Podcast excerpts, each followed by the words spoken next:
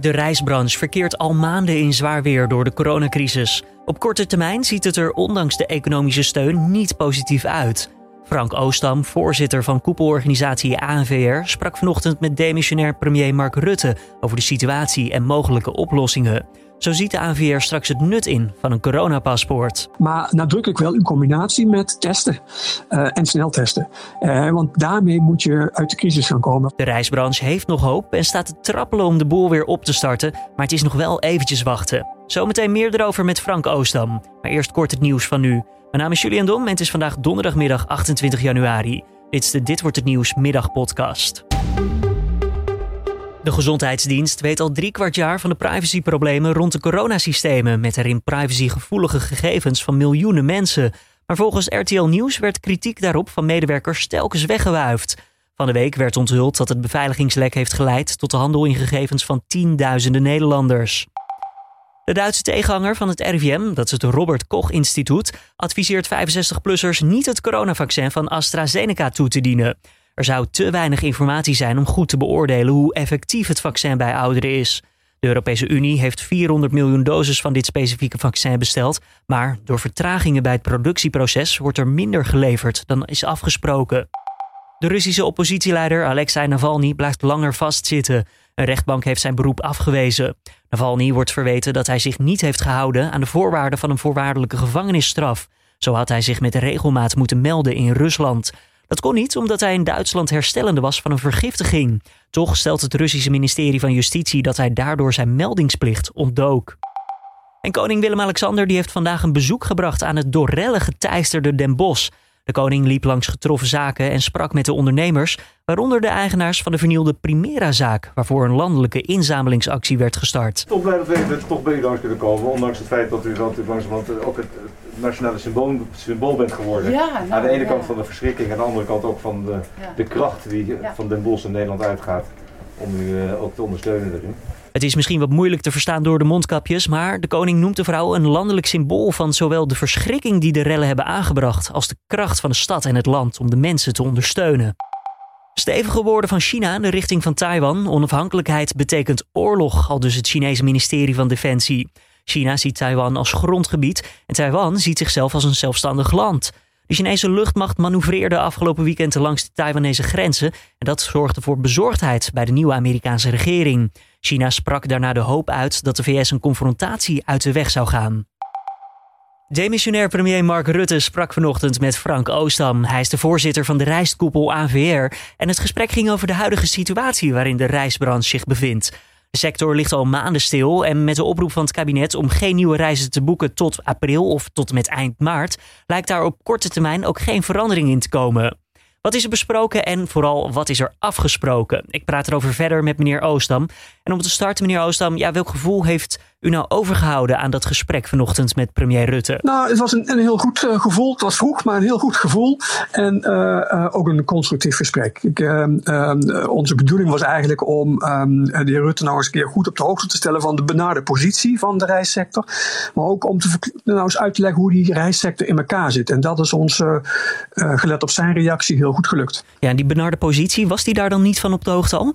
Jawel, dat zeker. Maar het is altijd goed om dat nog een keer extra te benadrukken. Want um, ja, gelet op alle ontwikkelingen nu, hè, met uh, avondklok, met de nieuwe Britse varianten, ja, is ons jaar 2021 um, ehm, nou, lijkt ook uh, niet zo geweldig jaar te gaan worden.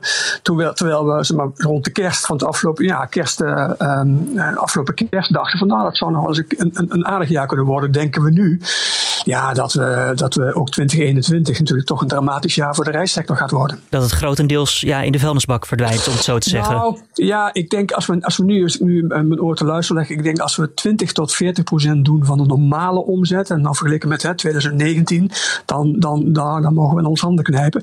We hoopten op, en dat hopen we nog steeds natuurlijk, op een, op een redelijke zomer. Maar gelet op uh, vaccinontwikkelingen, um, ja, is dat inmiddels ook wel meer richting tweede helft van de zomer.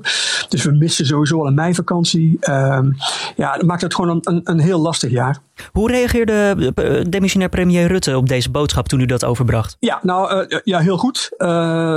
was ik daar zeer van bewust. We hebben ook uitgebreid gesproken over de dingen die wij in de afgelopen jaren al gedaan hebben. Hè. Want ja, zeker voor iemand die er niet dagelijks mee, mee omgaat. Dus de reissector is natuurlijk als eerste sector in die crisis gerold. Dat was ergens in februari vorig jaar. En zal hoogstwaarschijnlijk ook de laatste zijn die dadelijk weer uit die crisis komt. Uh, Hoe zit dat? Uh, nou ja, sowieso uh, hebben wij natuurlijk een veel langere lockdown dan andere sectoren. Wij zitten tot, in ieder geval tot eind maart en misschien nog wel iets langer, maar in ieder geval nu tot eind maart zijn wij gesloten. Je ziet dat de wereld zich ook meer sluit.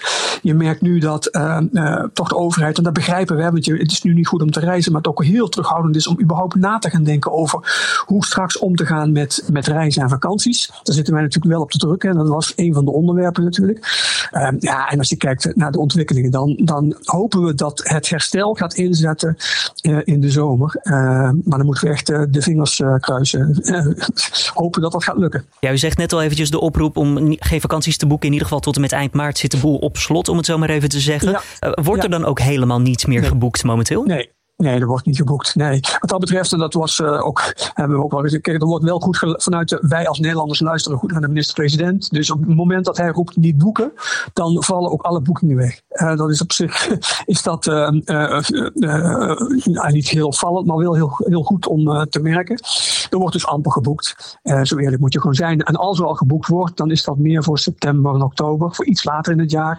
Dus we bereiden ons ook voor dat als het straks weer los mag gaan, dan wordt het een uh, echte last minute. Uh, mensen wachten af en kijken op het laatste wat ze gaan doen. Ja, want hebben jullie samen gekeken naar een mogelijke oplossing voor als de boel straks weer opgestart mag worden? En zitten jullie dan ook op één lijn? Als in ieder geval nu nog het demissionaire kabinet en uh, jullie als reisorganisatie, als reis, ja, reisbranche?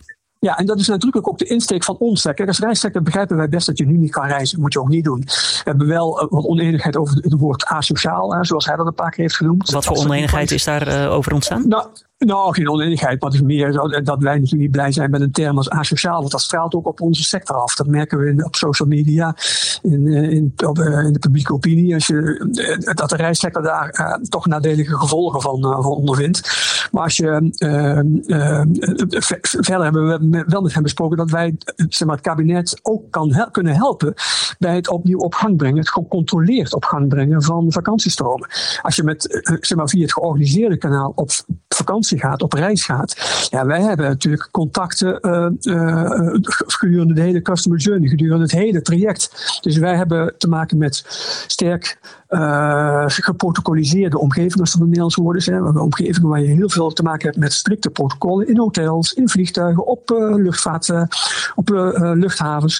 Dus de kans dat je veilig en betrouwbaar op vakantie kan georganiseerd is natuurlijk veel groter als je dat individueel doet. En dat hebben we wel met hem besproken. En is het woord coronapaspoort of een, een woord in die richting daarbij nog gevallen? nee, nee, dat niet. Maar dus wel nadrukkelijk natuurlijk wel deel van, van, van onze strategie, zoals wij hem voor staan. En wij zien, kijk, wij zien uh, heel veel in een coronapaspoort, maar nadrukkelijk wel in combinatie met testen uh, en sneltesten. want daarmee moet je uit de crisis gaan komen. Verplicht testen voordat je gaat, verplicht testen voordat je terugkomt. Ja, en dan hoef je ook niet meer naar quarantaine. Als je dat ook nog op Europees niveau doet, want dat is wel echt, je moet het geharmoniseerd doen. Ja, dan heb je een goed scenario om uiteindelijk weer gecontroleerd die, die stroomopgang te brengen. Maar verplicht testen, daarbij hebben jullie niet alleen de Nederlandse hulp nodig van de overheid, maar ook buitenlands toch? Want ja, mensen gaan deze, aan deze kant het vliegtuig in, maar ook op hun vakantiebestemming Klopt. gaan ze weer terug richting Nederland. Klopt, en dat is, dat is nu ook al zo. Hè? Je moet nu al een verplichte PCR-test als je naar Nederland komt. En daar zijn wij ook voor hoor. Wij zijn, uh, om het, wij zijn voor uh, om het uh, zo streng mogelijk te doen. Dat klinkt raar, maar wij willen natuurlijk ook werken aan het, zeg maar het herstel van het vertrouwen in reizen bij, bij mensen, bij vakantiegangers, bij reizigers. En dat kan je alleen maar doen als je dat, als je dat gewoon op een hele veilige en strikt gecontroleerde manier doet. En er hoort veilig testen bij. Dan nog eventjes de steun. Vandaag wordt er ook weer gedebatteerd in de Tweede Kamer over verschillende steunpakketten. Uh, hoe, hoe, zit het met de steun aan de, aan de reisbranche? Is er voldoende geld beschikbaar om de, ja, de or verschillende organisaties op de been te houden? Ja, wij, wij zijn uh, hartstikke blij met de verruiming die er nu is en waar nu in de Kamer uh, over gedebatteerd wordt, die 7,6 miljard. Ook daar maken wij natuurlijk dankbaar gebruik van. Zonder die steun zou er geen reissector meer zijn geweest. Maar het is wel zo dat, uh, gelet op het feit dat wij als laatste sector uiteindelijk die crisis uit gaan komen, dat we wel hopen, en daar zullen we echt het kabinet op gaan wijzen, en eventueel een volgend kabinet ook op gaan wijzen, dat die steun wel gecontinueerd moet worden het hele jaar lang. Want als het alleen maar zou zijn tot en met juli, hebben we alsnog problemen. Dus een verlenging en verder is ook een, soort fine-tuning van de generieke steunpakketten die er nu zijn. Want we merken dat er toch een aantal reisorganisaties, veel trouwens, veel reisondernemingen zijn, die, uh, die gewoon geen gebruik kunnen maken omdat die criteria net niet passen van die generieke steunmaatregelen. En dat is natuurlijk doodzonde. Je zou verwachten, nou, we zitten er inmiddels al bijna een jaar in, dat er wel wat maatwerk is op het moment. Ja, ja nou dat, dat, dat hadden wij ook gehoopt. Ik begrijp het, aan de ene kant begrijp ik het wel, hè, want ook die uitvoeringsinstanties zijn natuurlijk uh, overbelast. Dus je moet ervoor zorgen dat, dat die uitvoering goed gaat. Dus het kabinet hamert erop. We willen alleen maar generiek. Maar in deze fase, ik vind echt dat je veel meer onderscheid moet maken tussen, uh, noem het maar, normale sectoren die wel getroffen zijn, wat, maar wat minder getroffen zijn. En een select aantal uh, sectoren die buitensporig getroffen zijn. En een reissector met een uh, verlies van nou, vorig jaar een 85 tot 90 procent van de omzet vergeleken met 2019. En ook dit jaar echt een behoorlijk omzetverlies. Echt tussen, een praatje tussen de nou, 60 en 80 procent ook dit jaar weer. Ja, dan heb je die extra steun gewoon nodig. Is het huidige kabinet dan eh, te stroef met meedraaien, mee meedenken? Ja, nou, niet te, niet te stroef qua, uh, uh, qua uh, bedragen die ter beschikking zijn gesteld, maar wel als het gaat om maatwerk. En aan de ene kant is dat natuurlijk, we begrijpen het ook wel, want als je dat voor elke sector moet gaan doen, is het natuurlijk lastig. Maar iets van fine-tuning, waardoor je als sector elke bedrijf dat in, in die sector werkt ook uh, gebruik kunt laten maken van die, van de regelingen, dan, uh, ja, dan moet je op een gegeven moment in deze fase ook wel gaan doen. Het is natuurlijk heel cru dat als je ziet dat er weer 7,6 miljard extra uh, maatregelen zijn gekomen, dat je daar als bedrijf geen gebruik van kunt maken omdat je niet kwalificeert voor zo'n regeling. Ja, dan moeten we met elkaar beter regelen. Meneer Oostam, nog even samenvattend dan uh, als laatste vraag. Uh, is de hoop er nog voldoende bij u en bij uw leden om voor, voor, dit jaar? Ja. ja, dat is een mooie laatste vraag. Want natuurlijk, want dat is het perspectief. Hè. We staan te trappelen. Dat is niet wishful thinking van mijn kant. Dat is echt aangetoond door onderzoek. We staan te trappelen om weer op reis, om op vakantie te gaan. Alleen tot die tijd uh, moeten we het met elkaar volhouden. En daarvoor hebben we nog extra steun nodig. Frank Oostam, voorzitter van de Reiskoepel ANVR. Ik wil hartelijk danken voor, de voor uw tijd en toelichting. Graag, graag gedaan. Dag. Dan nog eventjes het weer van Weerplaza. Vannacht en morgenochtend is en blijft het erg nat. Nog steeds zijn er grote temperatuurverschillen met in het noordoosten kans op natte sneeuw bij hooguit 3 graden. Maar op de meeste plaatsen wordt het zo'n 8 tot 10 graden, wat op zich wel oké te doen is. Later op de dag, en over de vrijdag hebben we het dan, wordt het met naar een noorddraaiende wind vooral wat kouder. En dit was dan weer de Dit wordt het nieuws middagpodcast van deze donderdag 28 januari. Tips of feedback zijn welkom. Laat het weten via podcast.nu.nl. En morgenmiddag geen middageditie zoals je misschien inmiddels wel een beetje gewend bent.